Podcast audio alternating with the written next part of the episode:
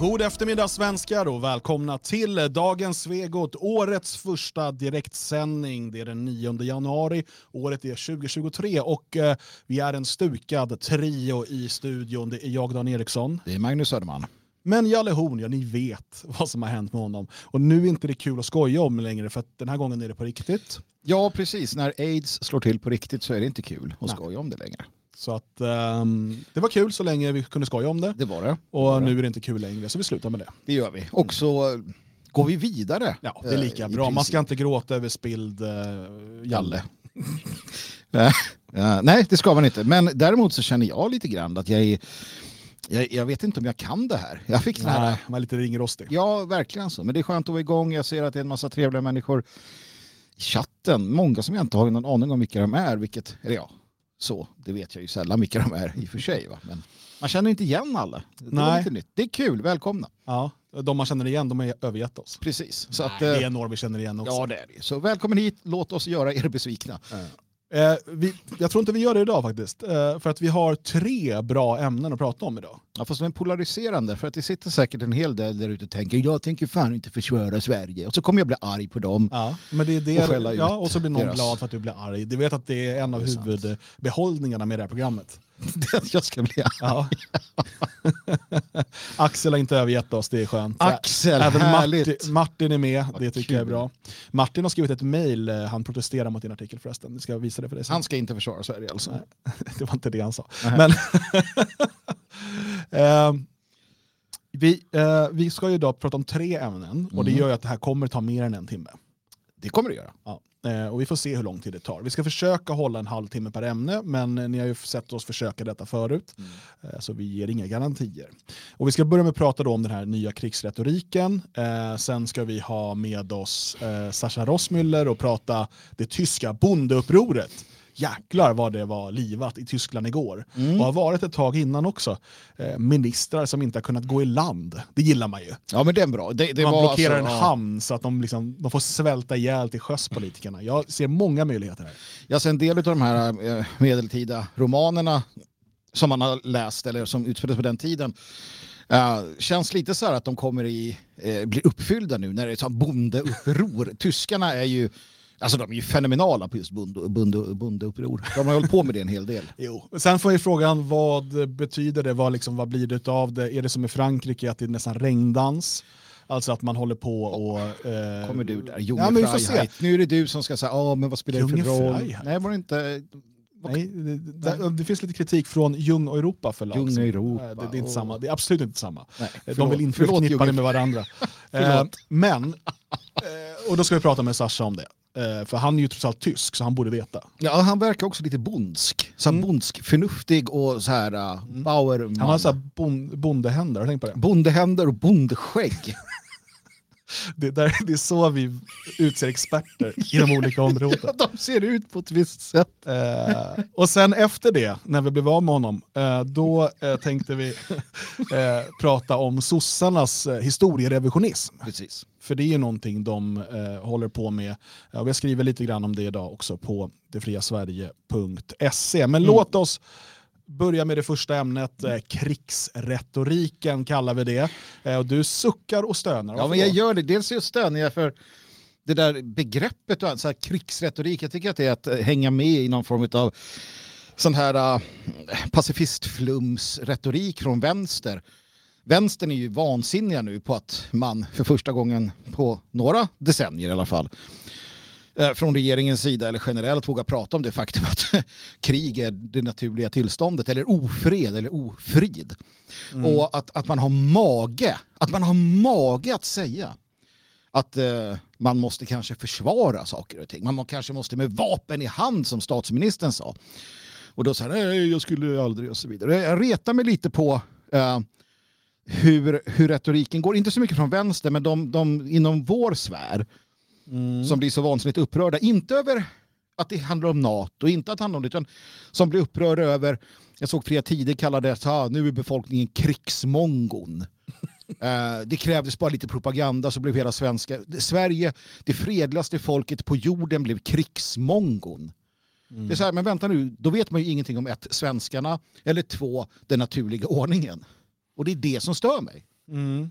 Ja, precis. Det där är den ena sidan. Den andra sidan är ju varför pratar man så här nu? Och varför säger Tysklands försvarsminister precis samma sak nästan exakt samtidigt.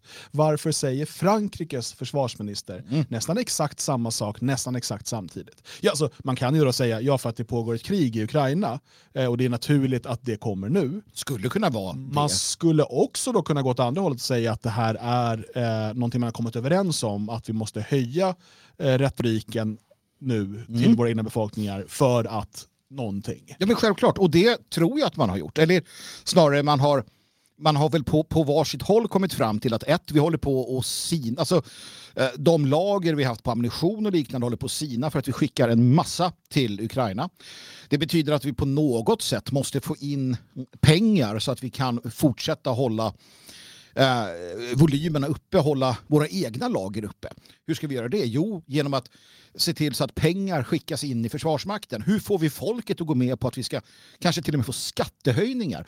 Kanske få en krigsskatt? Jo, genom att få människor att känna att hmm, det kan vara bra med ett försvar. Jag menar, eh, det var ju Reinfeldt som sa att försvaret var ett särintresse, mm. att det var inte så viktigt. Det, vi behöver inget territoriellt försvar. Fram till för ja, fram till 90-talet så var ju ändå grundtanken att hela Sverige ska försvaras. Mm. Eh, och det får kosta vad det kosta vill.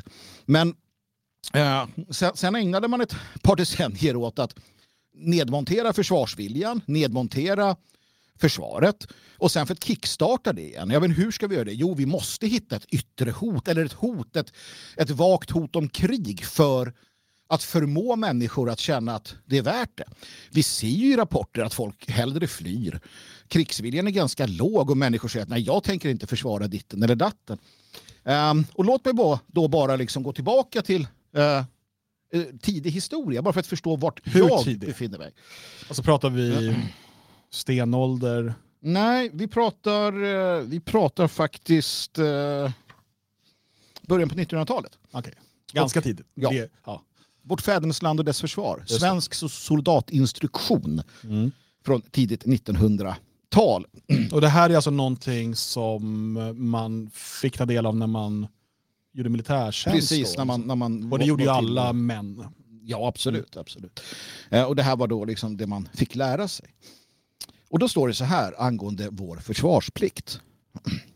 Det är vår oavvisliga plikt att försvara vårt fädernesland så att vi kunna lämna det arv åt våra efterkommande lika fritt och starkt som vi mottog det våra fäder.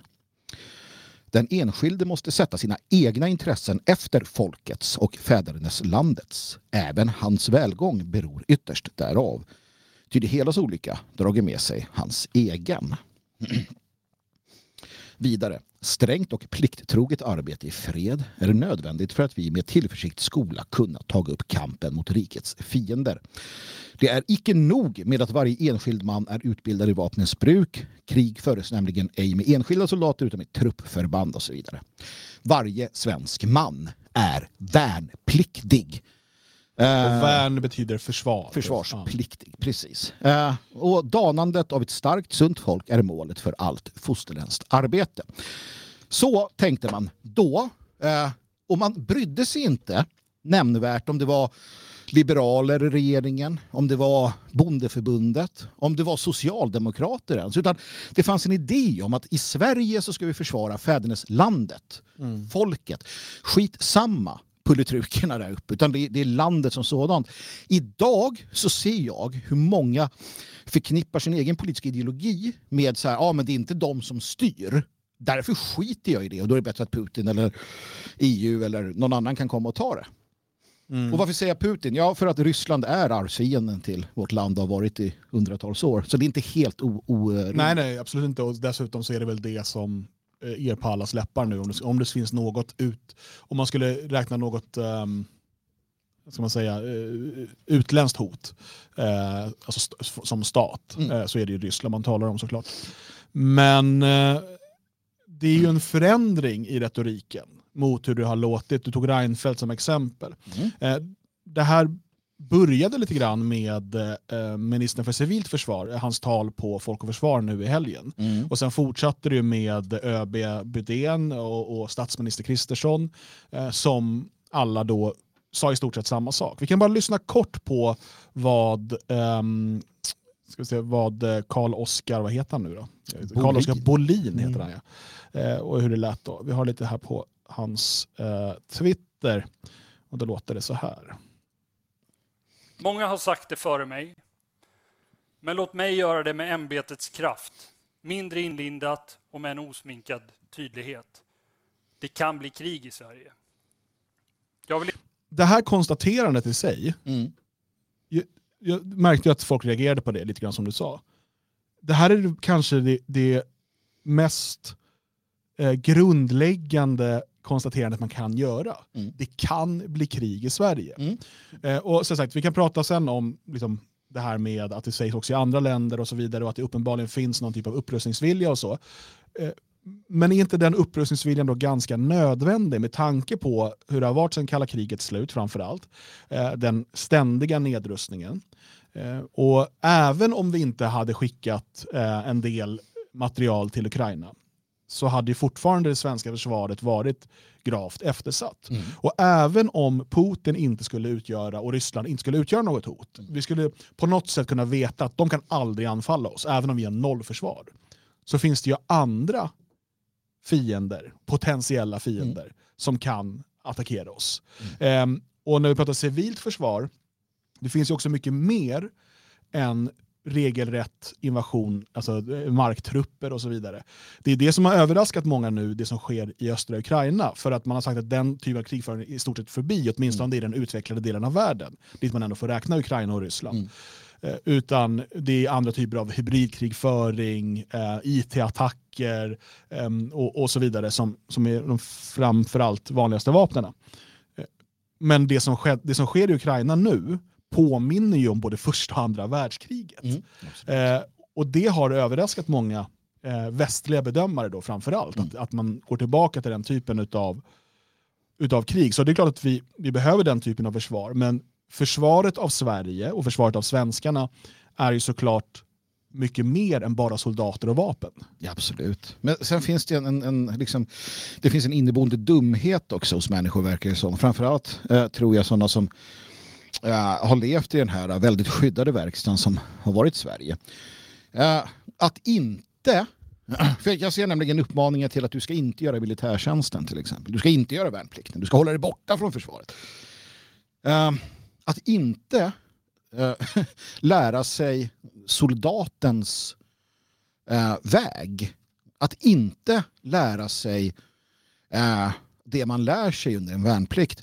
Utan att välja att nej, jag tänker inte göra det. Den revolutionära och rätta nationella handlingen idag är att hålla sig borta från Försvarsmakten. Eh, för att risken är att jag kanske blir skickad någonstans någon gång och, och kanske dör där. Ja, du kommer dö i alla fall. Det är väl det första jag kan säga. Eh, det andra är att, att inte göra sig, eh, göra sig redo för att kunna Eh, försvara sitt folk och sitt land. Och, och det behöver inte betyda att det blir en NATO-insats. Vad händer om andra eh, saker blir, blir eh, eh som vi kan se på horisonten? Till exempel, som vi har sagt, vid 20 procent så tenderar länder med 20 procent eller fler muslimer brukar tendera till att räkna med att det till exempel dyker upp milisgrupper, det ser vi runt om i världen. Då menar alltså de här människorna att de ska inte göra militärtjänsten, deras barn ska inte göra det. Så att de är vad? Jo, de är helt utlämnade åt vad då? Ska ni ha en, en, en jaktbössa eh, och ingen som helst eh, militär utbildning och klara av att hävda er i ett sönderfallande Sverige? Då blir ni ju helt och hållet beroende av andras eh, välvilja, framförallt den svenska staten. Och det är man då beredd att, att ta. För att det på något sätt är en inställning att man ska inte göra värnplikten. Alltså det är fullständigt barockt, fullständigt absurt. Mm. Uh, den inställningen kan jag, kan jag tycka. Samtidigt um, är det väl högst förståeligt att man känner att jag har ingen lust att, när vi ser de här reklamposters från Försvarsmakten, We Don't Always March Straight, mm. det är regnbågsflaggor och pridefestivaler eh, och eh, ÖB uttalar sig om att de ska liksom de finns till för att skydda den liberala demokratin eller vad de nu, det finns de här, och värdegrunden har de liksom slängt sig med och sånt. Att man då känner att det, för det, det är ju så att när du gör din, ja då är det inte värnplikt, eh, för det har vi inte haft i Sverige på ett tag, nu har det återkommit tillbaka i liten skala, men när du gör din militärtjänst då, eh, det är ju att du går med i en organisation. Mm. Eh, och det är ju precis som att många svenskar, svenska nationella inte vill gå med i Socialdemokraterna eller RFSL, Mm. även om de har fina internutbildningar, Mm så kanske man inte vill gå med i Försvarsmakten för att de är en sån fientlig, eh, liksom, och fel, de har fel åsikter, om man ska säga. Mm. Nej men absolut, om du hittar en annan organisation som kan ge dig den utbildningen som kan ge dig den, eh, den kompetensen och den, den liksom förmågan som en, en soldatutbildning ger. Absolut, eh, ta den istället. Eh, nu är det så att det är i princip bara statsmakter som kan utbilda på det sättet. Eh, sen kan man väl då lyssna på vad vi säger också. Eh, till exempel att eh, de eh, känningar som vi har inom Försvarsmakten vittnar ju om det enkla faktum att mycket av det där är ett spel för gallerierna. Det var som jag såg någon skrev i chatten som rullar här medan vi pratar. Ja, men muslimer som gör värns, eh, värnplikten, hur, hur bra är det? De gör inte den. Alltså, kan vi någon gång förstå att i någon större utsträckning så finns det inte pride, homosexuella, halvhelbögar och flator. Det finns knappt några främlingar. Alltså andelen av de här människorna tror att gettoungdomarna så här, men vi gör värnplikten. Och om så vore så är ditt svar, jag tänker inte göra den. Jag- Jag förstår inte logiken. Eh, utan det kokar ju bara ner till att man inte vill eh, skita ner sig. Man orkar inte, man har väl annat för sig, jag vet inte. Men Eh, Det spelar väl ingen roll om Försvarsmakten har en jävla knepig attityd utåt och går och vickar på arslet i Pride. Man kan konstatera att de som gör det, det är de. Det finns inga andra. De som är på Pride, det är lilla, den lilla andelen i sammanhanget. Det är de som är. Resten är ju inte sån, utan det är kompetenta eh, svenskar i allt väsentligt som lär sig att hantera tunga vapen, strategier för hur man överlever i krig, hur man formerar sig, hur man bygger värn, hur man gör det. Men det ska vi inte göra. Alltså, återigen, eh, jag tycker att det är en grotesk inställning. Det är intressant nu också när man då vill driva på den här upprustningen eh, och man talar ju i Sverige inte bara om 2%-målet då som är en del av överkom- överenskommelsen med NATO utan kanske till och med det dubbla att det kommer behövas för att få till eh, och- då, då behövs kanske den här typen av retorik för att som du säger människor ska acceptera det. Kanske skattehöjningar eller att man drar in på andra investeringar och så. Och det där är ju också ett tvåeggat svärd eh, och här kan man spela lite 4D-schack och vi vet alla att eh, där det inte finns någon risk finns det ingen, heller någon potentiell vinst. Alltså man måste våga riskera saker för att kunna vinna någonting. För att en stark försvarsmakt i Sverige, en stark militär eh, i AB Sverige så som det är nu, kan ha två funktioner, eller kan ha många funktioner, men två, men två som står emot varandra. Den kan användas mot eh, en egen befolkning som börjar organisera sig för att eh, på olika sätt då omstörta samhället och få bort mångkulturen och så vidare. Mm. Att det blir för att vi ska försvara den liberala demokratin, eh, hbtq och, och, och mångkultur och massinvandring och så vidare. Den kan användas så. Det är risken. Mm. Samtidigt är potentialen är denna. Om du som svensk nationalist någonsin vill ha en massiv återvandring så kommer vi behöva en jäkligt stor och stark militär. Absolut. För det kommer inte gå genom att skicka ut blanketter och säga åk hem.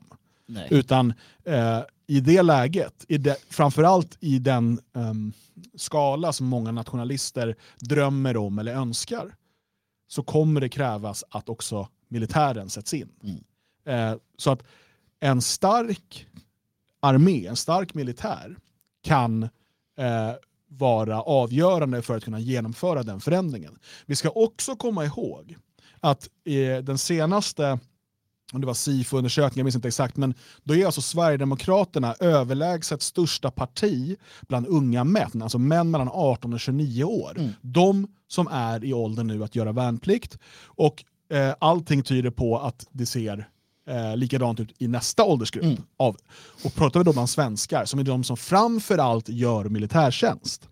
Det betyder att de som går in i militären nu Mm. är åtminstone i stor utsträckning invandringskritiska. Mm. Ja, men absolut. Och sen finns det andra aspekter av det här jag tycker är fantastiskt. För att, ja. och, och jag menar, är- du sån som känner att jag tänker inte göra det, men bra, gör inte det. Utan snälla fortsätt med vad du än gör för att du behövs inte heller. Eh, jag, jag åkte in eh, till Hova här för inte så länge sedan. ja, eh, och då så vart det lite hinder på vägen. Hemvärnet var ute. de var ute och höll på att bygga några förläggningar eller vad det var. Längs vägen så höll de på att hoppa ur sina bilar och så. Det var kanske 50-60 man. Varenda en var svensk. Varenda en var man. Några kvinnor fanns med också. Eh, de var liksom i en, en ålder mellan, inte vet jag, 35 upp till 60 eller vad det kan vara. Uh, såg allmänt rekorderliga ut eh, och skulle lära sig att försvara hembygden. Och det är alltså landsförräderi enligt många som, som då menar att nej, det där kan man inte hålla på med. Det är bättre att sitta hemma och vara arg, framförallt på internet. Um, men, eller så, så, ska jag ha ett litet gäng eh, som vi då tillsammans ska kunna fly från inte vet jag, världen om, om det blir krig. Jag vet inte vad man har tänkt sig göra. Här har vi då en välfungerande organisation runt om hela landet med män som är beredda att värna sin hembygd. Äh. Jag menar, att, att vara en del av detta borde ju vara självklart för, för de flesta. Va? Precis som att varje ung man bör gå igenom värnplikten. För att det finns Uh, och vi ser ju hur man då kommer satsa på, på uh, Försvarsmakten. Och då lär de sig det som... För om du tar många av de här människorna som tycker att man kanske inte ska göra värnplikten. De tycker att Jordan B. Peterson är bra i alla fall. Men vet ni vad? Då lär ni er att bädda sängen. Eh, mm. under värnplikten. Ni lär er att sy på tygmärken. Ni lär er allt det som ungdomen, många unga och unga vuxna idag inte har någon aning om hur man gör. Man lär sig att strukturera sitt liv, man lär sig att gå upp, man lär sig att och så vidare och så vidare. Och så vidare. Jag menar, det säger sig självt och det är rent, rent ut sagt uppenbart att den förlorade militärtjänsten, värnplikten från 90-talet och framåt har havererat en stor del av befolkningen, framförallt de unga då, och framförallt unga män som inte har fått uppleva och inte fått lära sig detta utan gjort helt andra saker. Att, att säga att det inte är sant, det är ju att inte veta vad man pratar om. Ja, eh, jag kan ju säga att jag har inte gjort värnplikten. Eh, jag eh, trodde inte att jag ville göra det då. alltså det var ju på den tiden, det var fortfarande, jag tror att det var sista eller näst sista, det var den kanske mönstrade 99, 2000 någonting sånt där. Mm. Uh, och jag har migrän och det förklarade jag för uh, läkaren där mm. som då sa du vill inte göra det här va? uh, nej, nej okej. Okay. Så enkelt var det då att slippa undan på den ja, tiden. Men man hade, redan börjat, man hade redan ja. börjat spola ner värnplikten. Man hade liksom inget intresse av att, att göra det seriöst heller. Så jag förstår att många... Alltså, och det är samma sak här. Hade vi växt upp med det här, alltså försvarsviljan, mm. det som vi lärde oss en gång i tiden. Jag menar, jag minns, och det är många av er som lyssnar också, jag minns när man kunde läsa i, i telefonkatalogen om hur man skulle göra, hur man skulle grunda en motståndsrörelse i händelse av krig. Det stod om krigets lagar, det stod att du som civilmedborgare medborgare har rätten och i vissa fall skyldigheten att grunda en motståndsrörelse och göra, göra, göra liksom, eh, saken kort med fienden.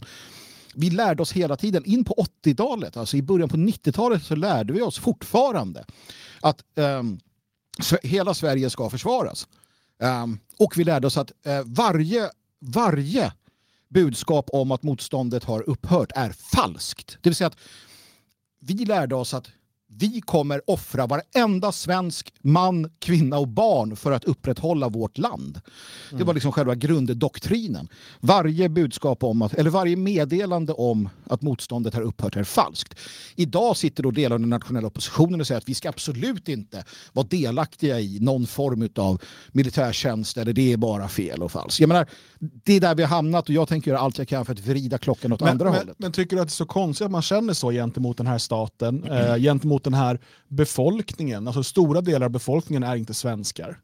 Eh, stora delar av den svenska befolkningen har aktivt arbetat för att svenskarna inte ska ha ett land. Mm. Eh, och stora delar av regeringen, eller av riksdagen, eh, tycker att, eller har åtminstone tyckt fram till typ igår, mm. att svenskarna inte ska ha ett land. Mm. Så vad är det då eh, man ska försvara? Nej, men varför håller jag på med Det fria Sverige? Eller nationell kamp? Varför sitter jag överhuvudtaget och bryr mig? Om det nu är det som är min motivation. Att folket ska hålla med mig. Att politikerna ska göra som jag säger. Om det är min motivation för att kämpa, ja, men då kan jag lika gärna gå härifrån. Då lägger vi ner föreningen. Då kan ju den nationella kampen, hela vår opposition under alla år läggas ner. Det är ju inte för de människorna jag försvarar det territorium som är Sverige. Det är ju inte för de människorna eh, jag inte vill ha en annan usurpator på tronen. Eh, det är ju inte för de människorna som, som lever nu. Jag menar, den, opposition jag tillhör eh, och den nationella sak som vi, som vi är en del utav, den gör ju det här för att vi är skyldiga våra förfäder det. Och för att vi ansvarar för att våra barn ska ha en bättre framtid än, än den som vi kanske blev lämnade till oss. Eller den som, den som är. Och jag menar, det är ju därför man i sådana fall då försvarar fosterlandet. Alltså det är bara en självklar plikt. Du försvarar ditt fosterland. Uh, och, och ditt folk. Ditt folk, uh, jag menar, måste man... Och, och det blir så konstigt då. För att tittar vi på krig generellt sett, om, om, om då själva säger att jag måste vara kompis med alla i skyttegravarna, annars skiter jag i det här. Mm. Vad är det för jävla inställning? Vad är det för, för, för liksom mentalitet som präglar det folk som på något sätt inte kan sätta sig över sådana saker för att försvara blod, jord och ära. Och vet du vad man hamnar i när man diskuterar det här? Det intressanta är att du hamnar i den grundläggande förståelsen för folkgemenskap. Vad är tanken om folkgemenskapen? Jo, att man ska ha en, en samhällelig gemenskap som överbygger klassgränser, eh, ideologiska, alla de här sakerna som man idag använder för att splittra oss är ju folkgemenskapens, folkgemenskapens svar är att de här sakerna existerar. Vi har de här konflikterna inom mm. folket. Men om vi har folkgemenskapen som grund så kan vi liksom ändå se att du är min nästa. Mm. Du är en, en, vi, är, vi är bröder och systrar för att vi är eh, båda svenskar. Du må vara marxist, eh, du må vara bög, du må vara vad som helst. ja, men, men i folkgemenskapens ja, tecken så, så är du fortfarande en del av mitt folk. Mm. Och eh, det som man gör, eh, och jag tror säkert att vi har eh, resonerat på liknande sätt, eh, eller åtminstone man kunnat tolka det så. Men det man gör när man säger då att jag tänker inte försvara svenskarna för att de har röstat fel. Mm det är att du går i den, den fälla som det tidiga 1900-talets nationalister varnade för. Vad är det marxisterna försöker göra med er? Vad är det bolsjevikerna och liberalerna försöker göra med mm. er? Jo, de försöker ställa svensk mot svensk, eller tysk mot tysk, eller italienare mot italienare och, och skapa de här konflikterna och den här polariseringen i samhället. Mm. Istället för att jobba för att ena folket. Mm. Om vi nationalister låter oss gå i den fällan och också blir en splittrande kraft mm. istället för en enande kraft, då är vi ju bara, då är vi ju bara liksom, eh, förtäckta bolsjeviker. Mm. Ja men precis, och, och jag menar, det, det, det, det, man ser nu är ju till del det vi såg, hur, hur kultur hur kulturvänstern, eller hur vänstern användes av Moskva eh, på, alltså under, under kalla kriget. Och då kanske någon säger att ja, men högern användes av CIA och sådär. Ja, det är möjligt. Uh, Saken är den att du hade ju det så kallade fredsrörelsen. Den, den här fredsrörelsen sa att vi ska inte ha några vapen. Mm. Vi, ska inte, vi kan lita på Sovjet har inga onda avsikter. Mm. Uh, så fanns det andra som sa att ja, men alltså, det, det är ju inte helt schysst de här killarna. De har ju ändå sagt att de vill alltså, expandera och så vidare. Uh, men, men den så kallade fredsrörelsen var ju styrd från Moskva och det vet vi ju i detta nu. Uh, och, och för min del så intar jag ju samma samma ställning som vi vet till exempel att de frivilliga i Waffen-SS som kom tillbaka, de började direkt samarbeta med de västallierade. Eh, man samarbetar med Operation Gladio i Sverige och, på andra ställen Stay Behind-rörelserna. Behind för att man såg det som att vi ska försvara oss mot, i det fallet så var det då bolsjevismen och så vidare. Alltså främmande krafter som ville eh, kliva in i Europa. Eh, idag ser jag det definitivt som att vi behöver ett starkt försvar. Inte så mycket för att jag är rädd för eh, Vladimir Putin och Ryssland, för det är jag inte. Eh, utan för att jag, jag ser att vi inom 5-10 år, eller kanske, vem vet snabbare än så, kan få enorma problem inombords, alltså i Sverige eller i Europa, i vissa länder i Europa, som kommer göra att hela regionen destabiliseras. Och vad som händer när regionen destabiliseras, det är att då passar man på. Precis som att de allierade passade på att norpa Island under andra världskriget. Man invaderade Island för att ta mm. det. Man var nära att invadera Norge. USA hade som plan, USA tillsammans med Storbritannien hade som plan att invadera Norge för att säkra Norge mot Tyskland. Tyskland hann med en vecka invadera Norge. Mm. Alltså, det är inte för att man bryr sig så jävla mycket om Norge eller Island utan man behöver olika platser för sina baser. Om det fortsätter med destabilisering i Europa, att då säga som vi säger att Putin skulle aldrig göra någonting. Varför inte? Är han dum i huvudet eller? Mm. Om det blir ännu mer destabilisering, då kanske till exempel Gotland kan vara bra att ha. Han skiter väl i Sverige, men Gotland kanske är bra att ha, etc. etc. Att, att i det skedet inte rusta upp sitt land, att inte eh, vilja vara en del av den allmänna försvarsmakten för att försvara sitt folk. Nej, jag vet inte hur man hade tänkt göra då. Ska man sitta och gnälla någonstans då? Eller? Jag, jag, jag, jag begriper det inte. Diskussionen lär fortsätta, kanske i kommentarerna under det här programmet efteråt. Eh, vi ska gå vidare i direktsändningen och innan jag gör det så vill jag då berätta om att på fredag kommer ju eh, podcasten för er som är stödprenumeranter, alltså ni som gör det här möjligt. Och eh, Magnus, då ska vi ta ett ämne som engagerar. Mm, verkligen. Och chockerar kanske. Ja, och vi kan se om vi får chockera någon genom att framställa det på vårt sätt. Vi ska prata om Jeffrey Epstein, Ghislaine Maxwell, Ja, och eh, Mossad kanske det blir lite om också. Kanske lite annat spännande. Ja. Eh, så det blir en hel podcast om fallet Epstein och de här offentliggjorda listorna eh, som kommer på fredag för dig som är stödprenumerant. Det blir det enkelt inne på svegot.se support och då ser du också till att vi kan fortsätta med eh, vårt arbete. Nu ska vi ta in en gäst och eh, byta språk. Eh, är du redo att prata engelska, Magnus? Ja, och jag ska också se vilka som försvinner ur chatten som löper när det här ämnet försvinner. Och nästa hoppar på. Okej, okay. du menar de som är betalda av ryssen? Just det! Let's speak uh, Deutsch. Uh, no, uh, let's do this in English. okay, I, I, would prefer that. Uh, at least our viewers would prefer us doing that in English. Sasha Rosmüller, welcome back to the show. Welcome. Thanks for having me. It's a pleasure. Yeah, it's good to have you here. Uh, you are no stranger to this show. You've been on it before. You've also been here in in Svenskarnas hus, and you held a speech here at one of our uh, conferences. We hope to have you back soon. Uh, but um, could you maybe introduce yourself a little bit, if there are any new viewers? Who are you, and what are you doing uh, in your daily work? Yes, I'm a long-term uh, political activist. Uh, I was uh, in several uh, positions in party politics. The party is uh, is known as uh, how to translate the Heimat in the homeland.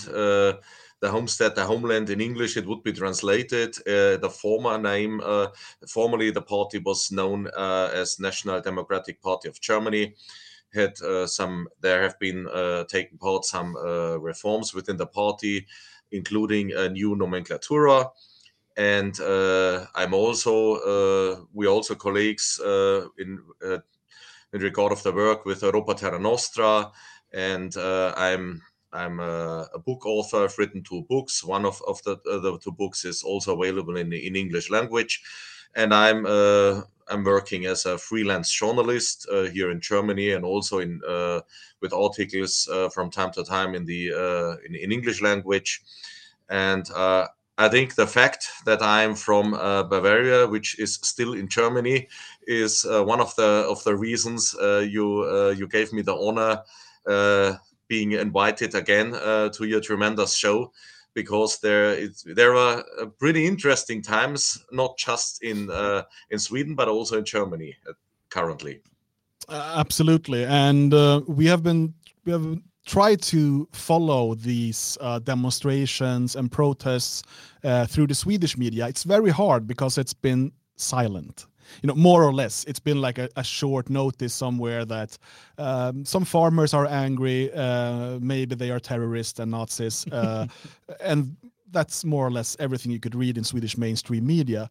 And but I guess as a German, you know a little bit more about what's going on because yesterday there were big demonstrations, and not only demonstrations, were blockades on the, on the freeway. There were a lot of things happening. So why why are the white kids angry? But why are the why are the farmers angry and what is happening?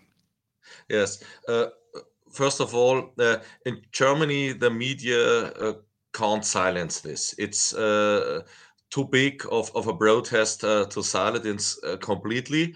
But nevertheless there are no interviews with the representatives of the dissatisfied uh, who are uh, protesting on the streets now. So you, uh, despite the fact that the protests are too big to silence them, they there is no uh, democratic discourse uh, and, and, argumentation, exchange of arguments, and and and and uh, everything else.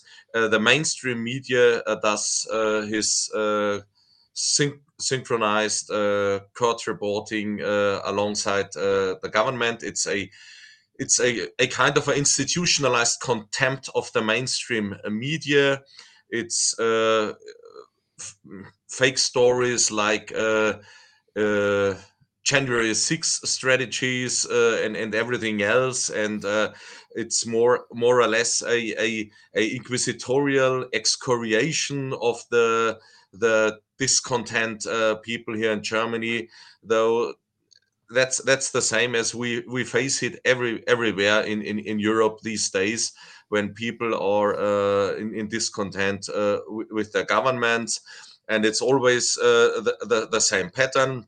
If you're not alongside the green or nowadays olive green uh, lunacy politics uh, then they they have dozens of different genders but there exist only two opinions the olive green one and the nazi one because everyone who is not alongside the government the in green has to be a Nazi if he wants or not. You have this label and uh, end of discussion. So mm. the same as in, in Sweden, we face here in Germany, but uh, this time those protests are much too big uh, to uh, to to to silence uh, silence them.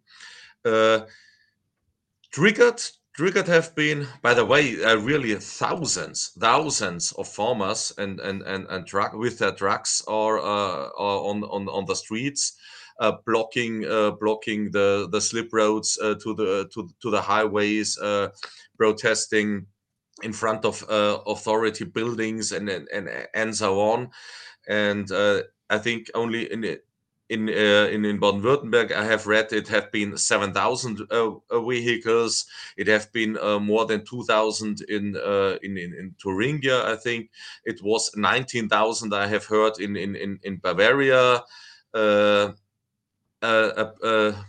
Pretty uh, funny anecdote from Bavaria uh, in regard of the insurgency uh, accusations is that a police car in the mud was uh, pulled out by the insurgent uh, tra- uh, tractor farmers as much to this accusation.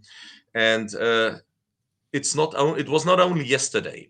It will it, it will go on it will go, go on for the whole week it's not not only not only uh, the the farmers that protest that are also the hauliers uh, that are protesting. I think uh, from today on uh, there are also the the train uh, drivers union starting with protest first of all with regarding uh, freight trains. And i think from tomorrow on also with per- personal trains and so it's really a huge protest. And this protest if you have a look on the general mood on the on, on the the atmosphere uh, you can feel within uh, the, the, the the citizens uh, the, the, the the normal ordinary people uh, then you see that uh, a, a, huge major- majority backs this protest because this coalition government in Germany, the so-called uh, traffic light uh, government,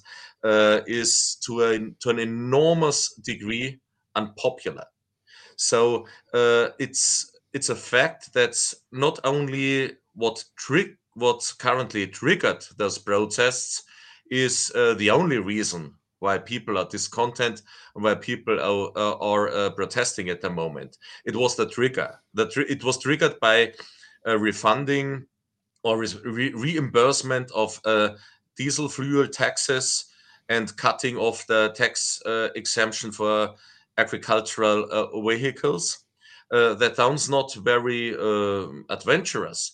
However, this means an additional tax burden for the farmers of 5% share of the agricultural gross value. In numbers, that's nearly a billion uh, euros. It's more than 900 euros for hard-working farmers.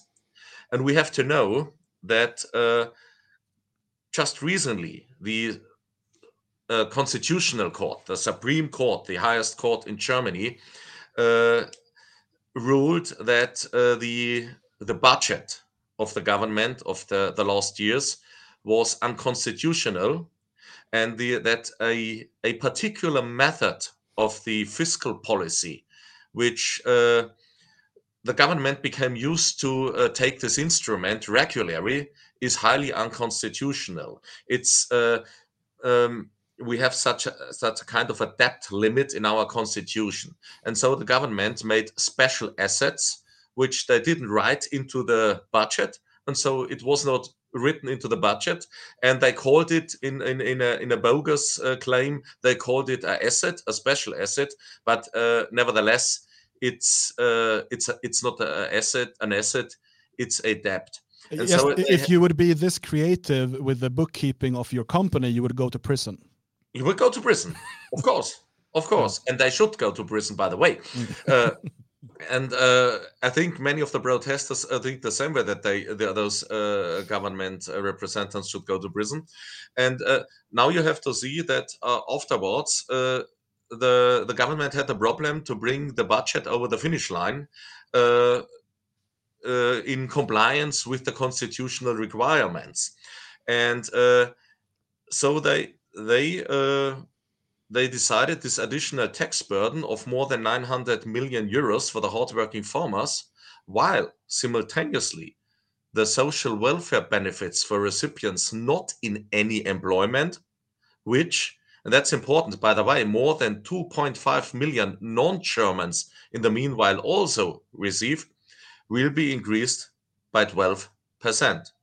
So higher higher taxes for the for the farmers and more money for the unemployed foreigners. Yeah. Yes. Yes. The, uh, the two and a half million non-German foreigners which are not uh, working here will uh, uh become raised their benefits, mm. and the hardworking the hardworking farmers who have their 35 hours week, which other groups are demonstrating for, finished in, in the end of Tuesday, they uh, become they receive the burdens.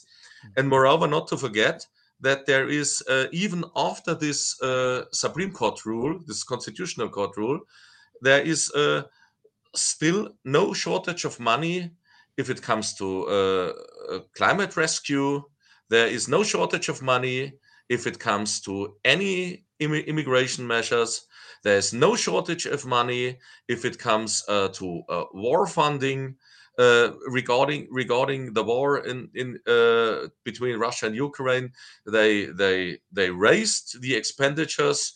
They planned for the year 2024 to uh, give uh, seven billion euro on military aid, plus more than 500 million euro to replenish what we delivered uh, on, military, plus 7 million that we will need for more uh, refugees from the Ukraine. And so the protesting farmers, uh, they say, uh, we would prefer if you would, would make more pressure that there would be peace negotiations which maybe would be much cheaper and uh, the it would end that people would bleed out and die in this uh, meat grinder of this horrible war. But then uh, subsidizing this war. Let us our subsidies for our hard work and don't uh, fund uh, don't fund wars which are not originally our wars here in germany it's really interesting because we we uh, had this discussion before, and I talked to you before the broadcast a little bit about it as well,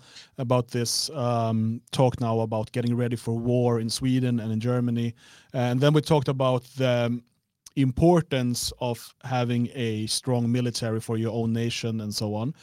But when it comes to the defense of your nation, uh, it's not only the military. When we talk about the farmers, to have your own uh, to be self-sufficient as a yeah. country uh, when it comes to uh, at least basic foods uh, it's uh, one of the most important things uh, if you want to have a strong defense it cannot only be guns it also needs to be potatoes and, yes, and, yes. and but making it almost impossible for German farmers to survive because they are already under hard pressure from uh, imported goods, uh, which are uh, made under totally different circumstances and therefore cheaper.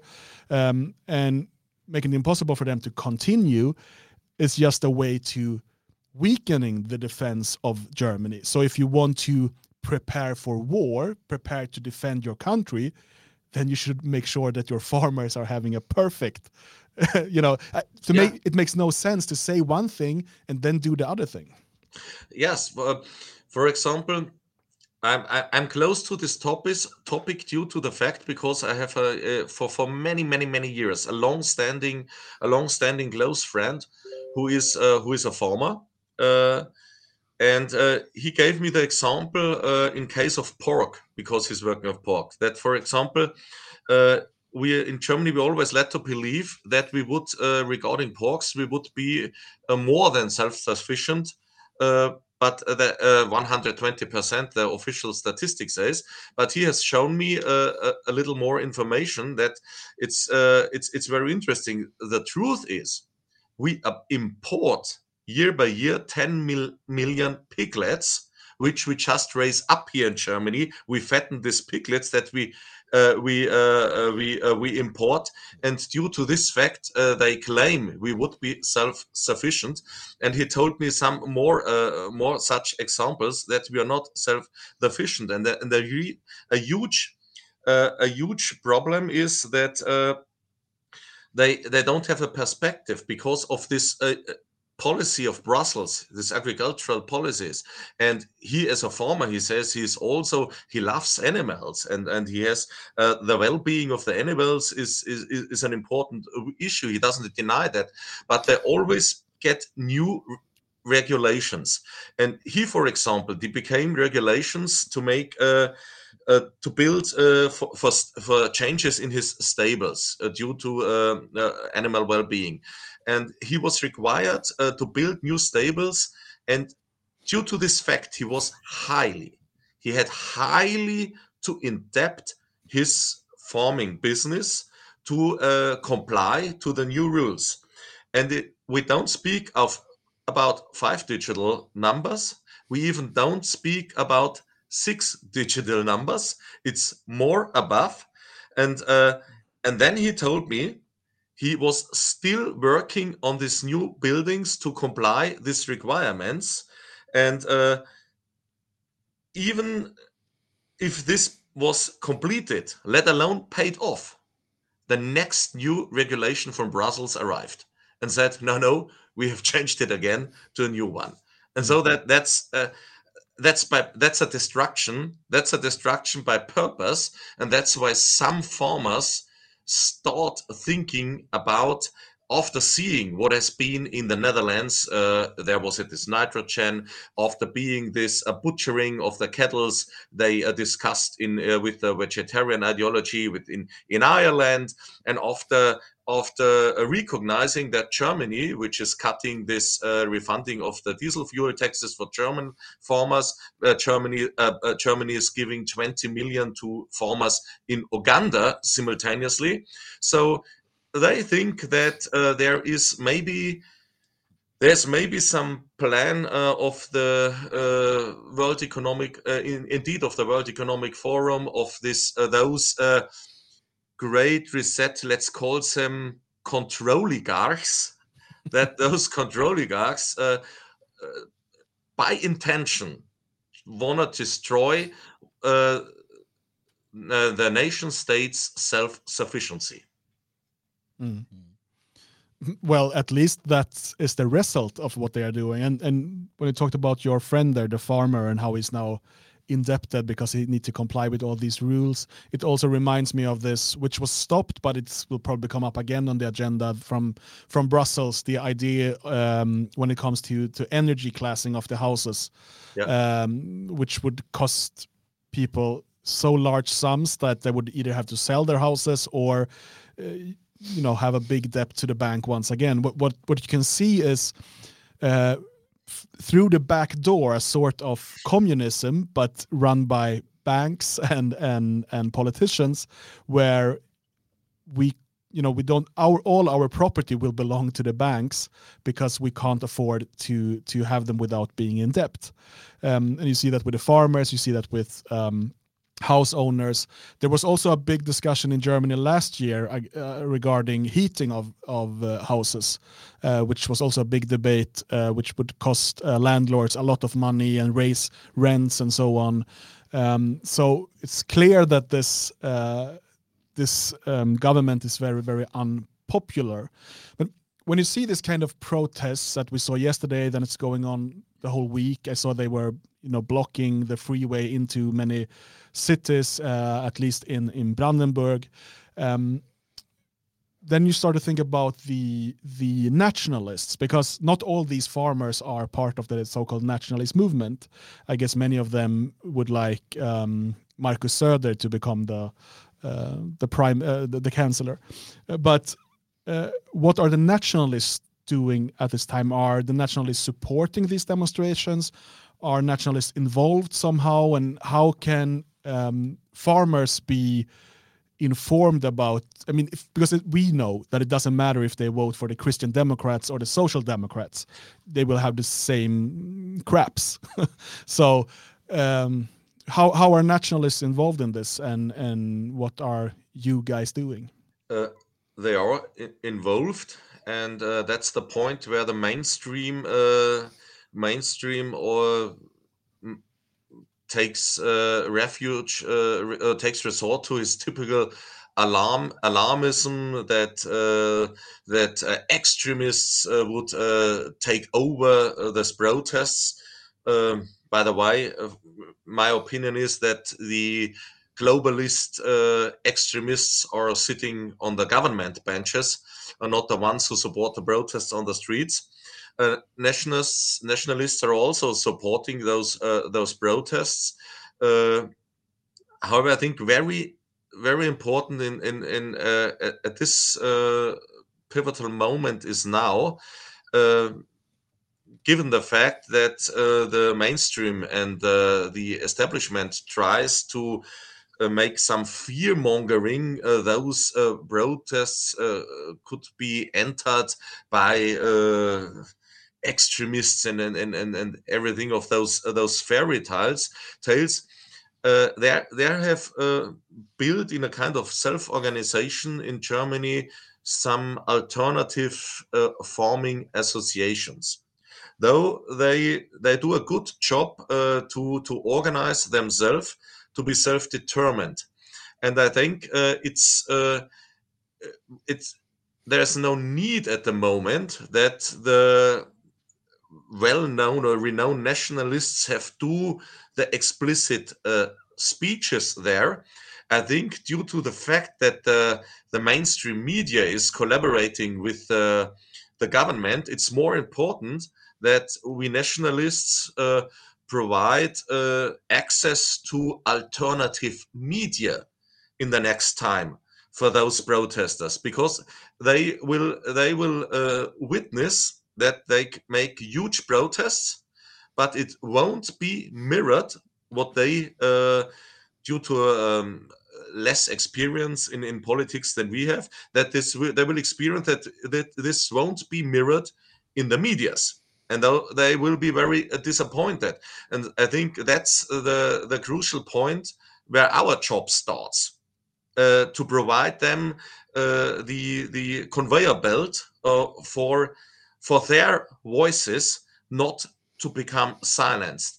And and this will really this will give them also moreover the feeling that we really support them and don't instrumentalize them. And I think that can be, uh, with a little bit patience, a more, much more sustainable uh, cooperation than uh, than as, as as otherwise.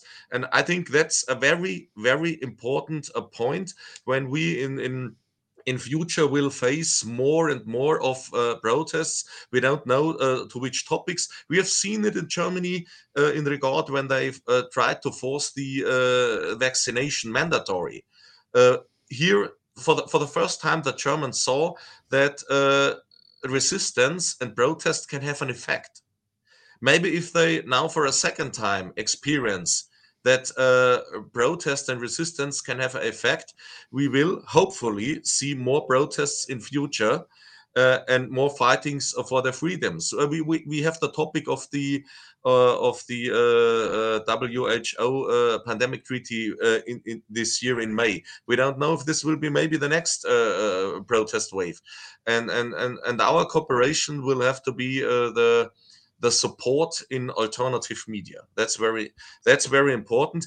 And uh, we see, for example, there are free farmers, it's translated, new organizations or, or, or also other organizations which uh, started working independently in these protests here from this uh, highly official uh, common farming uh, organizations, which are fully uh, fully entered by the, the, CDU, the Christian Democrats, the center politics, which are not interested in the interest, particular interests of the farmers, which are only interested uh, to come out of his opposition uh, role in the parliament uh, to become on the on the on the government benches, and the career officials of established agricultural associations are running the business of the alleged uh, opposition party, uh, the Christian Democrats, which in fact is uh, no more than also a part of the global agenda that threatens the farmers. And more, but more and more farmers uh, recognizes this now,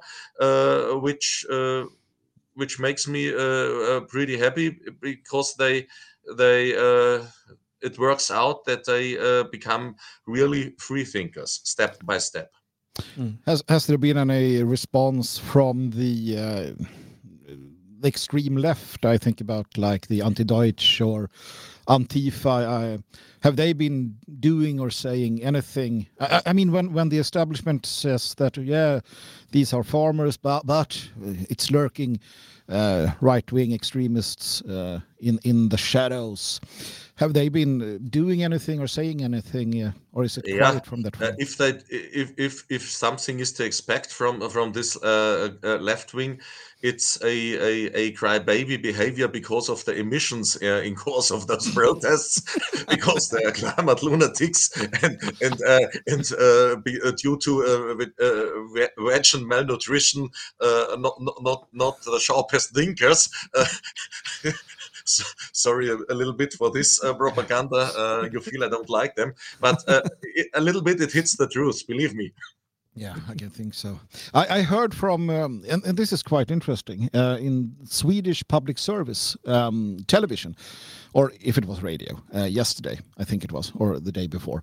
But then the the, the corresp- he, he, he is the correspondent in, in Berlin. He said that he was out in, in Brandenburger Tor and, and looking at this uh, happening, and he said that the thing is that what is happening now is encapsulating the feeling of most Germans.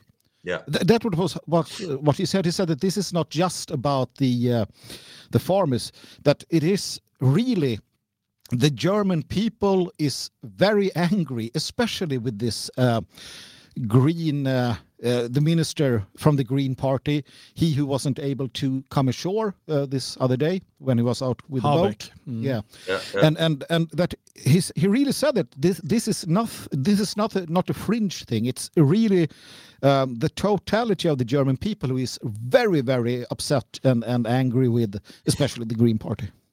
Yeah, for example, uh, the Chancellor of Germany is from the Social Democrats. And this uh, this year we we have uh, elections in uh, the federal state called Saxonia, and the latest poll in Saxonia showed that the Social Democrats uh, stood by three percent. so that I think. Uh, and who are those three percent idiots?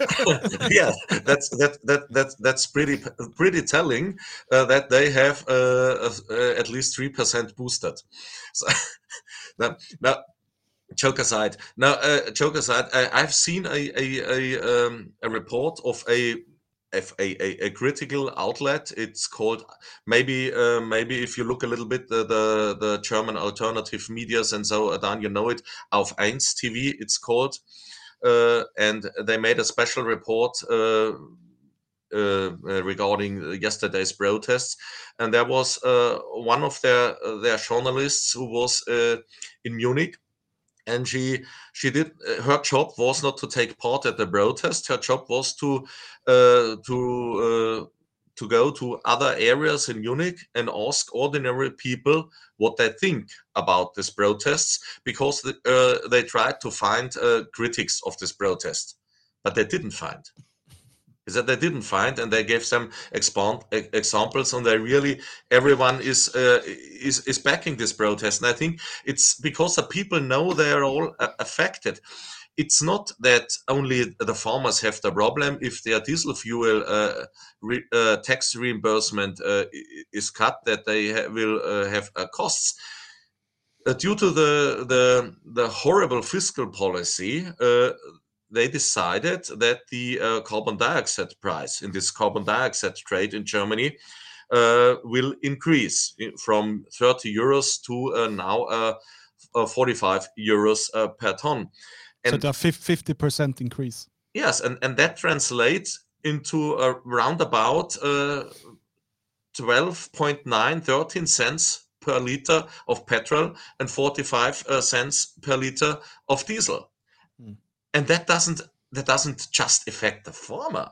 Mm. That it, that affects everyone who needs his car uh, driving uh, to his job or if if he needs his car and uh, Sasha, not only that because uh, if it gets more expensive for the farmers and for the transports it will raise the price of foods it will raise the price of everything and you get the inflation this is how it works that's why you need to mm. keep the cost of production down not not raise yeah, it of, of course, and you and you have uh, you have uh, an, an, economy which is, is, is more and more uh, this uh, uh, huge international concerns. And I've uh, right before we, we, we started this this show now, I was was doing some research for.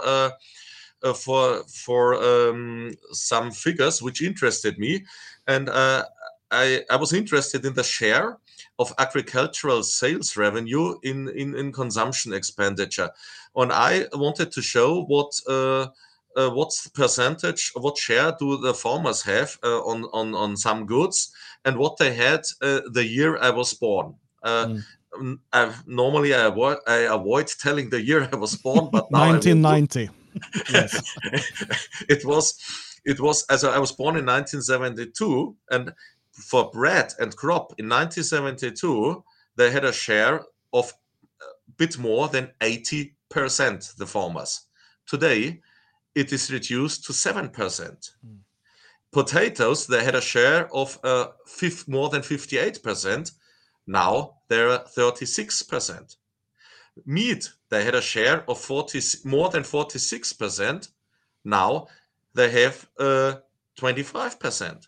If you take X, they had more than 80%, nearly 90. Now they have uh, 52%. And that declares why we had, and that's not as long back, why we had in Germany, and that uh, that uh, here we come to self-sufficiency again. 1995, we had more than 550,000 farmers in Germany. And uh, now we are nearly 300,000 less. We are more than 292,000 less. That's a loss of more than 52% since 1995.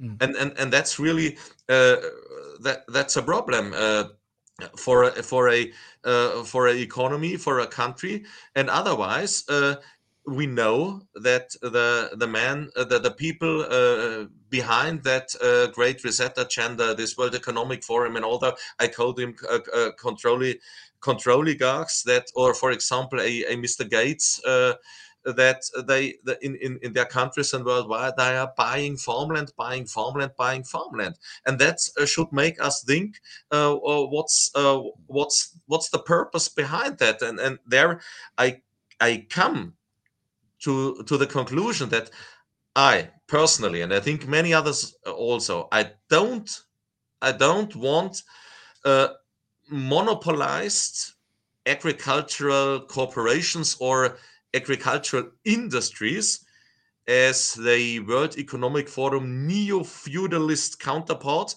to communist collective forms and sovkhozes. I prefer to trust regionally rooted, decent family businesses as, produce, as producers of my food. And those are the ones that are on the streets now in Germany. And that's why I back them with full, full heart.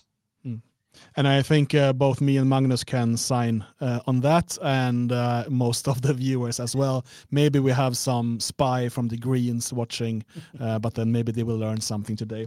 Sasha, thank you very much for joining us and explaining a little bit about what's uh, going on in Germany. Um, if people are interested in following your work, what is the best way to to follow you? Do you have any English uh, outlets or? or Yes, I anything like also have, have uh, of course, I have German, but also English, as I have two Telegram channels. One of the Telegram channels is uh, in English language. It's uh, Rossmüller, uh, Rossmüller uh, underscore and, and dissident. If you if you put in Rossmüller dissident, you have to write it with two S.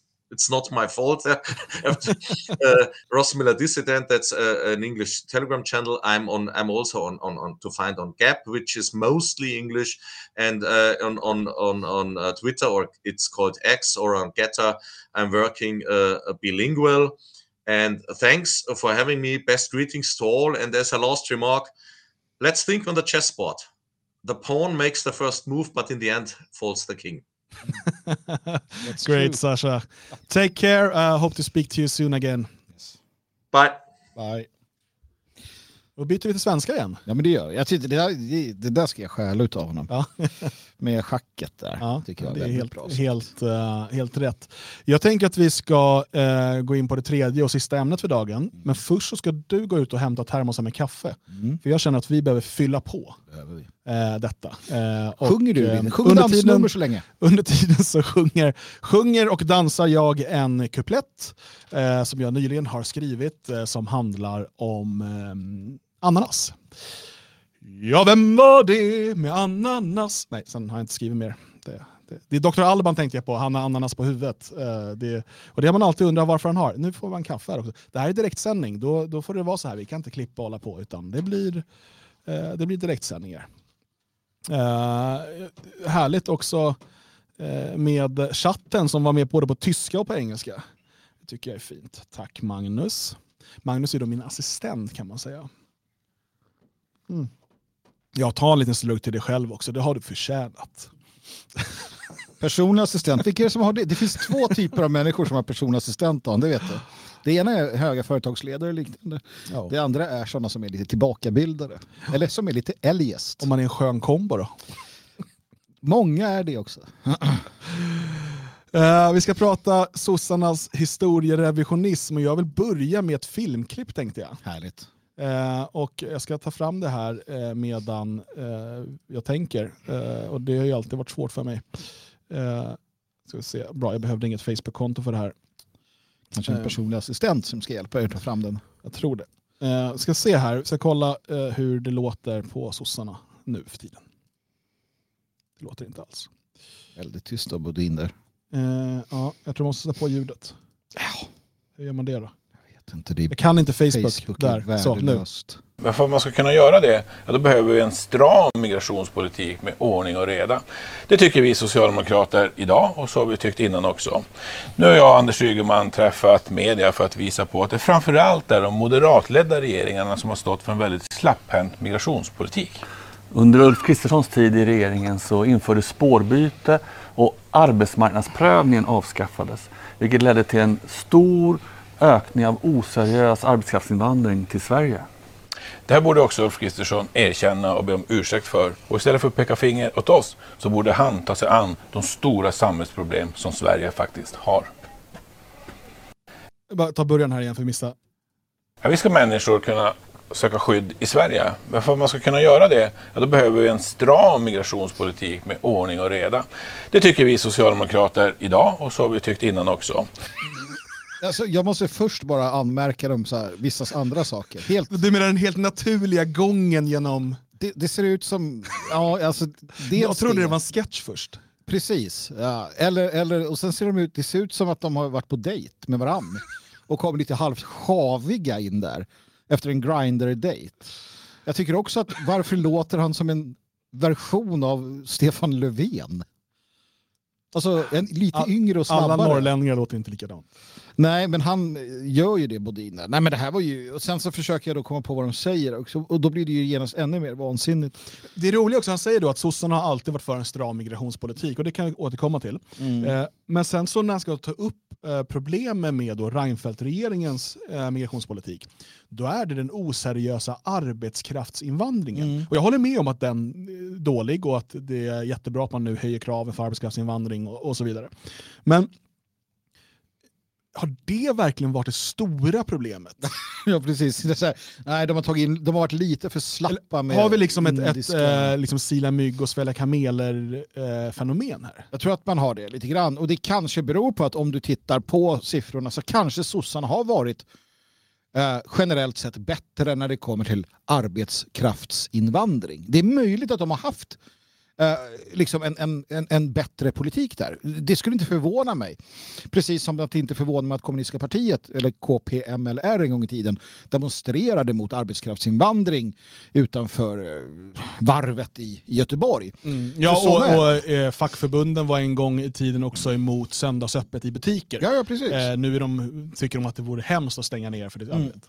Nej, men så, så, att, så kan det gott och väl vara. Men det, det vi såg prov på eh, var ju den här nya, eh, och vi har skrivit om det på Det fria Sveriges hemsida idag, detfriasverige.se, eh, den här nya folksporten bland politiker som går ut på att, att eh, skylla ifrån sig.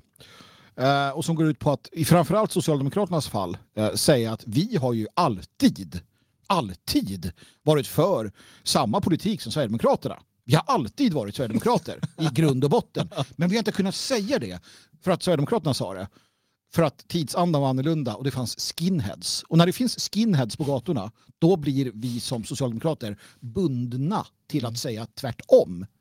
Det är egentligen kontentan och det är helt absurt. Ja, att man kommer undan Att med detta- att säga att vi har baserat vår politik på att, eh, vad andra tycker och så tycker vi tvärt emot. Mm.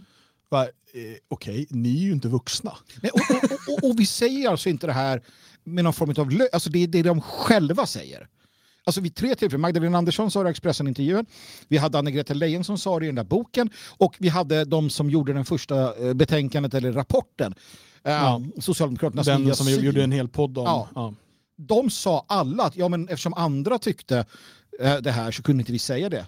Magdalena Andersson återkommer hela tiden till samhällsklimatet. Mm. Samhällsklimatet var ju sådant. Och det, där, det är ju heller inte sant för att jag, eh, och vi dividerar det fram och tillbaka många gånger, svenskarna har gått och röstat på partier som har varit för invandring. Men i alla ehm, gånger man har tillfrågats om man vill ha ökad invandring eller minskad invandring och så vidare, så har svenskarna aldrig varit för en ökad invandring eller ens en lika stor som idag. Utan alltid då för en minskad invandring. Så samhällsklimatet, då har det snarare varit så att i deras lilla liksom grupprunk, där har alla tyckt, men vem börjar då? Jo, För att om alla där sitter, ja, men han bredvid mig i den här grupprunken, han tycker ju så. Då tycker jag också så. Okej, men vem var det som började? Vem var det som kastade? men det är grupprunksdynamik eh, och den är svår att förstå. För oss som inte sysslar med för oss som inte sysslar med det. Det kanske är fullkomligt naturligt i grupprunken. Men det jag vill säga är att vad var Ingvar Carlsson när Sven-Olle Olsson, Sjöbopojken, eh, denna, denna gigant bland giganter sa att nej men hörni, vi tar och gör en folkomröstning om invandringen. Sjöbomannen ska jag säga. Jo, Sjö på mannen, det låter som en riktig Hagamannen. Nej men det här är med, med all, all kärlek och respekt. Sjöbomannen som, som liksom utmanade hela konsensus-Sverige 1988. Mm. Eh, jo, alla sågade honom i fotknölarna. Alla kallade honom för det ena med det andra, med det tredje. För att, ehm, för att det var så man gjorde.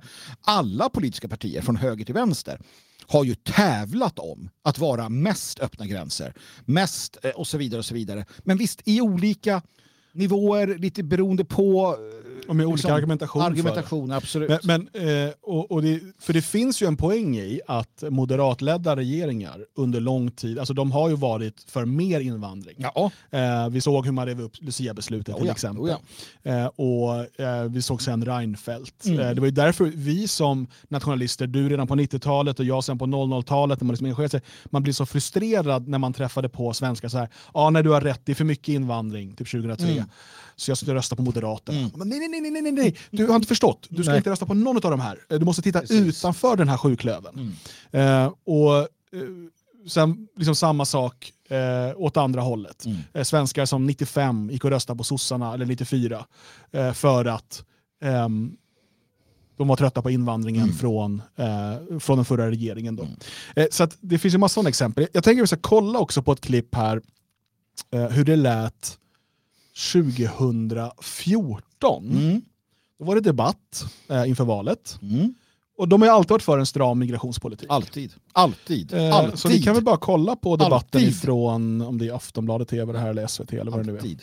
Så här eh, kunde det låta då. Eh, De här människorna som kommer från andra länder till oss, de har ungefär lika hög andel eh, högskoleutbildade, universitetsutbildade. Det är läkare, det är ingenjörer, massor av arbetskraft som vi behöver här i vårt land.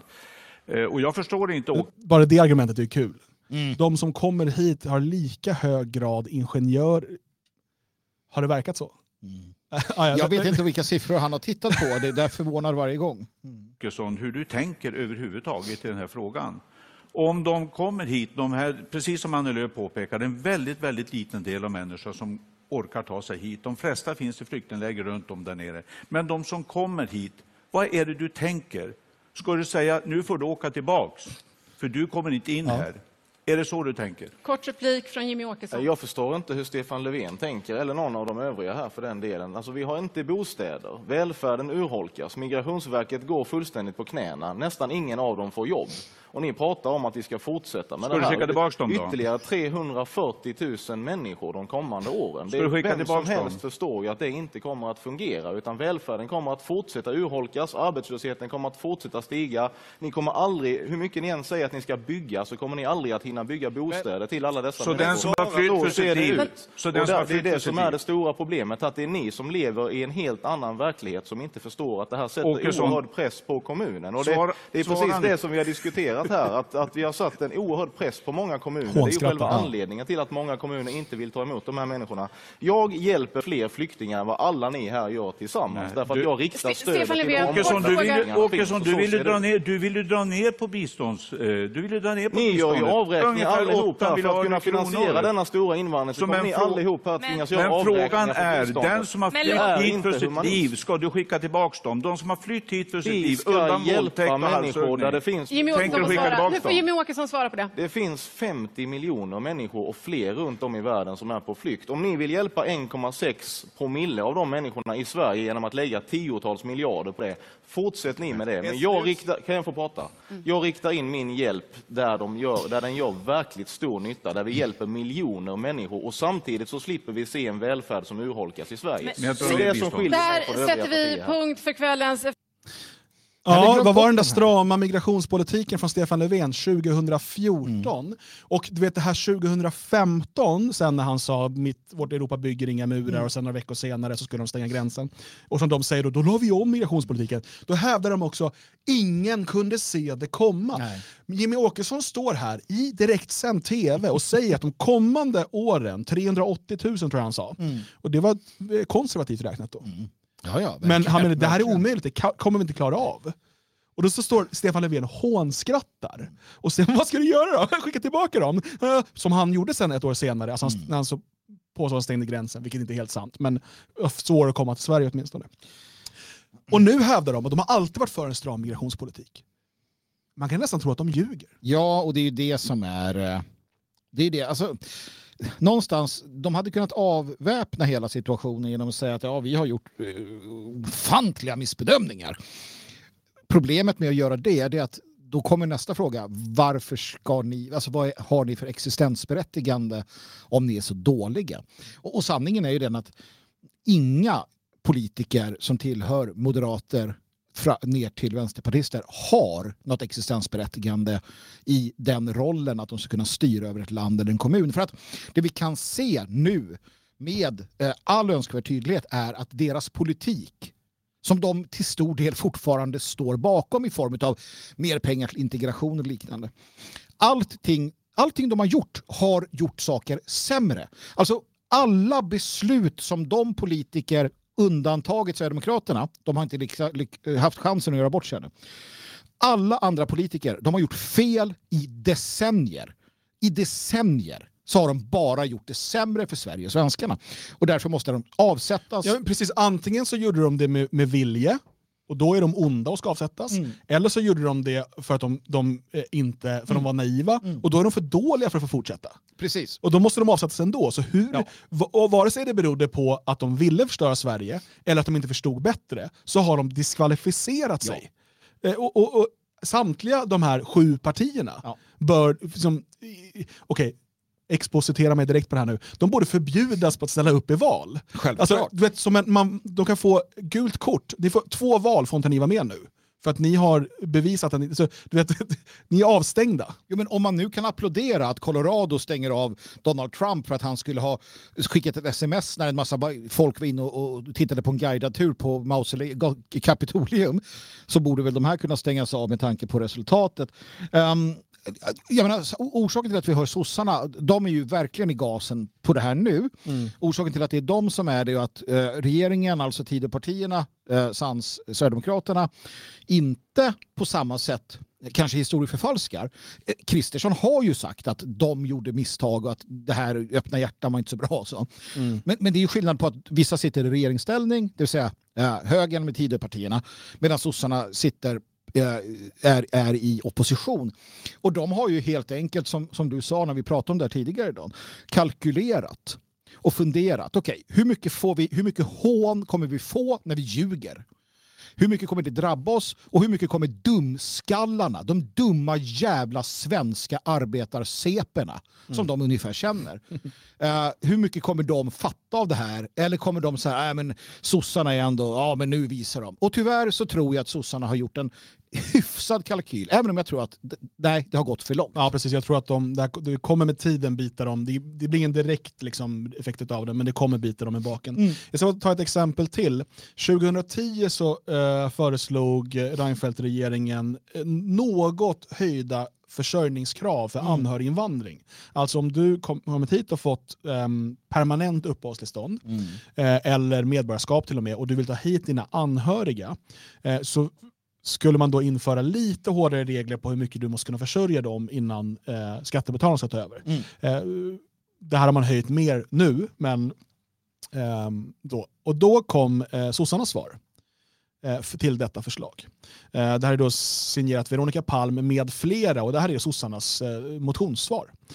Då förslår, föreslår de här alltså då 1. Riksdagen avslår propositionen och istället då att riksdagen beslutar om yrkandet avslås och att, då att man ska ha kvar följande, eh, ska ha följande lydelse. En utlänning som har permanent uppehållstillstånd och har vistats legalt i Sverige i minst fyra år. Det ska vara det som räcker för att få hit anhöriginvandring.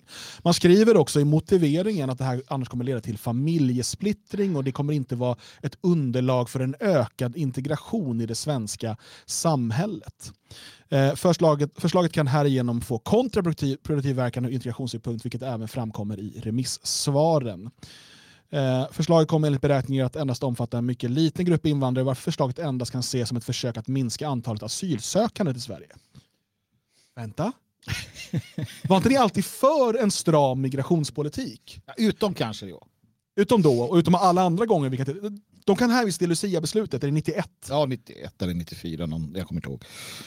Men, men det, är ju så som du säger. Och det som faktiskt är, det var någon som skrev det här i den här chatten som rullar att Um, alltså det finns en skillnad. Jag, jag minns, och det är så att jag minns när uh, någon sa det, någon politiker sa någonting. Jag, jag minns när uh, någon annan politiker gjorde något utspel om svenska flaggan när vi skulle ha någonting. Och jag minns det här, men jag kan inte bevisa det. Jag måste gå till typ Järfälla-tidningens redaktion och be dem visa i arkiven. Skillnaden nu mina vänner, det är att internet inte glömmer. Och, och det är här som, jag tror att det är det här som kommer få, de får fall de jävlarna. För de fattar inte, Maggan Andersson och, och hela gänget tillika Johan Persson och de andra korvstopparna. De fattar inte, precis som många i den generationen, inte makten i och kraften i och, och det faktum att internet inte glömmer. Ehm, och, och nu för en gångs skull, vi, vi såg ju det, vi hade det på, på Lyftesfärs hemsida, vi länkar till han eh, Jönsson, Henrik Jönssons eh, YouTube-klipp, eller där han går igenom. Mm. Han går igenom social, vad de säger och vad de har gjort de senaste x antal åren. Och det där kan nästan vem som helst göra. Då. Det är så lätt att visa. Det är lätt att beslå dem med lögn. Och det här är något helt nytt för, för Socialdemokraterna. De har ju kunnat ljuga i år, åratal och aldrig blivit beslagna. Nu måste de här, oj, oj. Och jag tror de har inte räknat med det i kalkylen. Nej, jag- de är nog fast lite grann i, i hur det tidigare har fungerat. Eh, inte bara att internet aldrig glömmer, det är också det att eh, det finns inte... Eh, alltså det, alternativmedia är så pass stort, sociala medier är Mm. så pass stort. Eh, på, på gott och ont, men det innebär också att det är mycket svårare att antingen kontrollera informationen eller åtminstone kunna skademinimera på olika sätt. Ehm, och, eh, vi, jag, jag tror inte att det här ljugandet kommer fungera för dem i längden.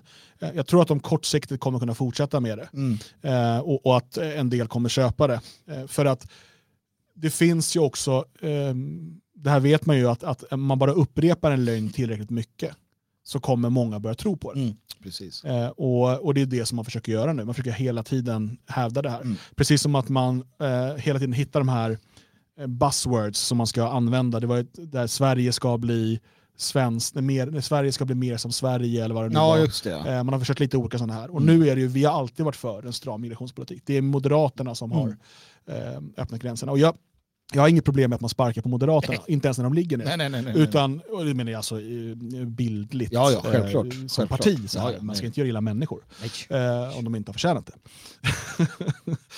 nu får ni tänka tre varv här så får ni se vart det här tar vägen. Jag uppmanar inte till våld mot oskyldiga. Och, eh, så att det får de jättegärna göra, men då måste också ha sitt eget ansvar. Men som vi skriver på detfriasverige.se idag, det räcker inte med att bara erkänna att man gjort fel, om de hade gjort det. Nej. Utan de måste också göra om, göra rätt. Och det enda sättet att göra rätt, om man säger vi har gjort fel i 30 år genom att släppa in de här människorna. Det enda sättet du kan åtgärda de felen, det är att eh, repatriera de människorna. Ja, men- I så hög utsträckning det går. Du kan inte, om, om du har eh, under 30 år stått och eh, så huggit hål i din båt och det läcker in som tusan, så bara konstatera, det var fel av mig att hugga hål i båten och då kommer allt bli bra. Nej, du måste börja reparera. Precis, reparations. We demand reparations. Nej, men det säger sig själv, så att problemet ligger i också att det, det de har gjort, nu är de överens om allihopa, att eh, alltså, Maggan sa att det varit 30 år av för mycket invandring. Va? Eh, och eh, de har varit, nu är alla överens om det. Men fortfarande så ser vi ju inte internering. Vi ser inget moratorium. Vi ser ingenting för att snabbt stoppa konsekvenserna av det man har, lands, eh, det man har ställt till med. Eh, om du har misskött dig själv eh, under liksom massor med år och, och inte tagit hand om hälsan, sluta rök på en gång. Det är inte så att du säger att jag röker bara ett halvt paket i tio år till. Utan du slutar röka, du börjar ta hand om dig. Eh, och det är ekvivalent här. Tidöpartiernas jävla eh, paradigmskifte är ju ett, ett skämt i förhållandet. Så länge de inte sätter upp ett moratorium för att sätta stopp för allt och sen börja hantera det. Och om ingen pratar om internera, de, depo, de, depo, vad fan är det nu? Deportera, Deportera, repatriera. repatriera. Pratar man inte om det, är det lackmustestet, då kan man dra åt... Ja, nej, för att eh, man måste konstatera att eh, det är lösningen. Man kan inte bara konstatera vad som är problemet. Eh, och eh, alla ni som tittar på det här, ni vet ju att Mm.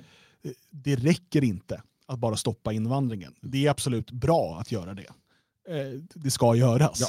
Men det räcker inte om du också vill lösa problemen. Mm. Sen är det så att som politiskt parti kanske man får gå steg för steg och så vidare. Man måste först göra eh, X innan man kan göra Y. Men eh, det måste finnas en ärlighet i kommunikationen och framförallt måste man vara tydlig med vad är då målet. Och här är ju sossarna tydliga och det är det här som är viktigt att ha med sig. Sossarna säger i den här rapporten vi talade om att vad, vad är det nu man ska göra? Jo, man ska se till att befolkningen blandas i en utsträckning och med metoder vi aldrig har sett förut. Ja. Och alltså det de säger är att svenskarna ska inte få ha ett eget land. För det är det som blir poängen. Eh, genom att då svenskarna istället ska blandas bort med massa andra folk och så ska det uppstå någon ny eh, medborgare, liksom, som, någon ny människotyp ur det här. Den nya Sovjetmänniskan kanske man kan kalla det. Eh, och Då måste man fråga sig, då vet vi, då är det det som de vill. Så allt de säger går ju mot den här forcerade uppblandningen. Vad vill då Moderaterna? Vad vill Sverigedemokraterna? Mm. De här partierna måste ju vara tydliga med var, eh, var är Sverige om 30 år, Mm. om 50 år, om ni får bestämma? Mm. Är det det här blandade multikulti-utopiat?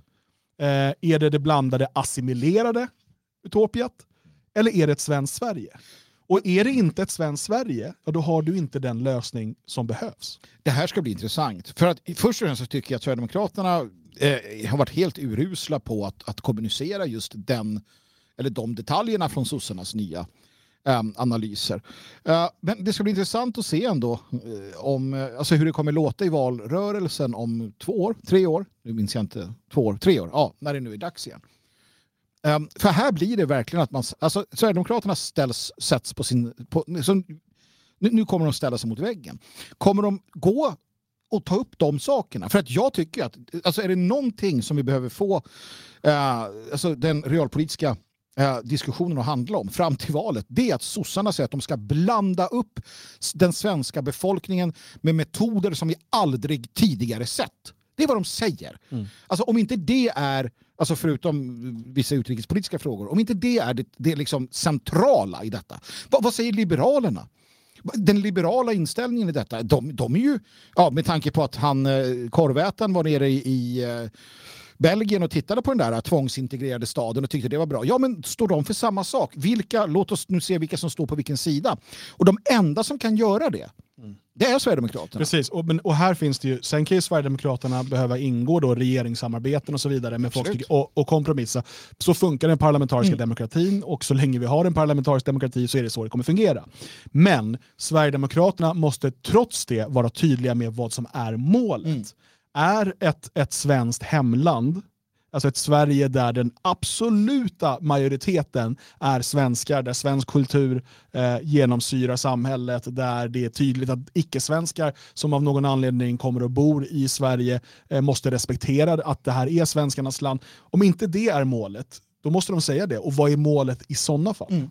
Nej men precis. Och, ja, återigen, där blir ju eh, Jimmy Åkesson, eh, kära vän, när du står i de där debatterna i framtiden, kräv eh, Magdalena Andersson, vad menar ni? Vad, vilka åtgärder som vi aldrig tidigare har sett tänker ni eh, sätta in för att hela befolkningen ska blandas? Vad är det ni pratar om? Är det Sandviken gånger tusen? Eh, han är den som kan ställa det. Eh, och hans eh, partikamrater kan ställa de frågorna i riksdagens kammare. Det kan inte vi. Om inte de lyfter det, då är det fan ta med något lurt. För att det här är ett öppet mål. För ingen svensk kommer tycka att det är en särskilt kul idé om de tvångs, ska tvångsblandas eh, i någon socialdemokratisk eh, framtida mardröm. Eh, återstår att se som sagt eh, vad, vad, vad som händer. Men det, det tycker jag är, alltså inrikespolitiskt sett, det är den, det är den, alltså det är den absolut viktigaste eh, punkten att ta upp. Självklart. Um, för er som har missat det, Svenskarnas hus nummer två är vårt. Fantastiskt. Eh, och det finns bilder på detfriasverige.se från arbetet i helgen. I, nu i helgen som var så hölls den första arbetshelgen där 16 tappra skåningar målade och spacklade och fixade för att vi ska kunna öppna det här huset till andra medlemmar och, och på sikt även allmänheten. Eh, så snart som möjligt. Jag vågar inte sätta något datum för det Nej. känns väldigt riskabelt. Eh, men under, eh, in, inom överskådlig framtid. Eh, och det är så att köpa en fastighet, renovera den och eh, få den i så pass bra skick att den kan representera ett Svenskarnas hus, likt Svenskarnas hus här i Elgarås där vi står. Eh, det kostar pengar och det kostar eh, väldigt mycket blod, svett och tårar. Så det. Så att se till att vara med och bidra till detta och bygga de här svenska gemenskaperna runt om i Sverige. De är livsviktiga. Du kan antingen stötta ekonomiskt på detfriasverige.se husfonden eh, och du kan där eh, donera med eh, kort eller med swish eller banköverföring. Så detfriasverige.se husfonden. Eh, Eller så, och eller kan man säga här, du kan, beroende Får på välja. Så kan du också delta på arbetshelgerna och vara där och hjälpa till. Antingen med din eh, spetskunskap eller om det finns andra saker där du kan liksom vara mer, ha två händer och hjälpa till. Um, vi kommer prata mer om de här arbetshelgerna på det kommande digitala medlemsmötet eh, som är den 24 januari. Så är du medlem i föreningen, eh, gå in på detfriasverige.se, kolla under evenemang. Det finns massor av evenemang utlysta där, men det är också ett digitalt medlemsmöte där vi kommer prata mer om Svenskarnas hus i Skåne, vad som är planerat i arbetshelger, hur du kan hjälpa till och så vidare, förutom ekonomiskt. Eh, så se till att anmäla dig till det medlemsmötet.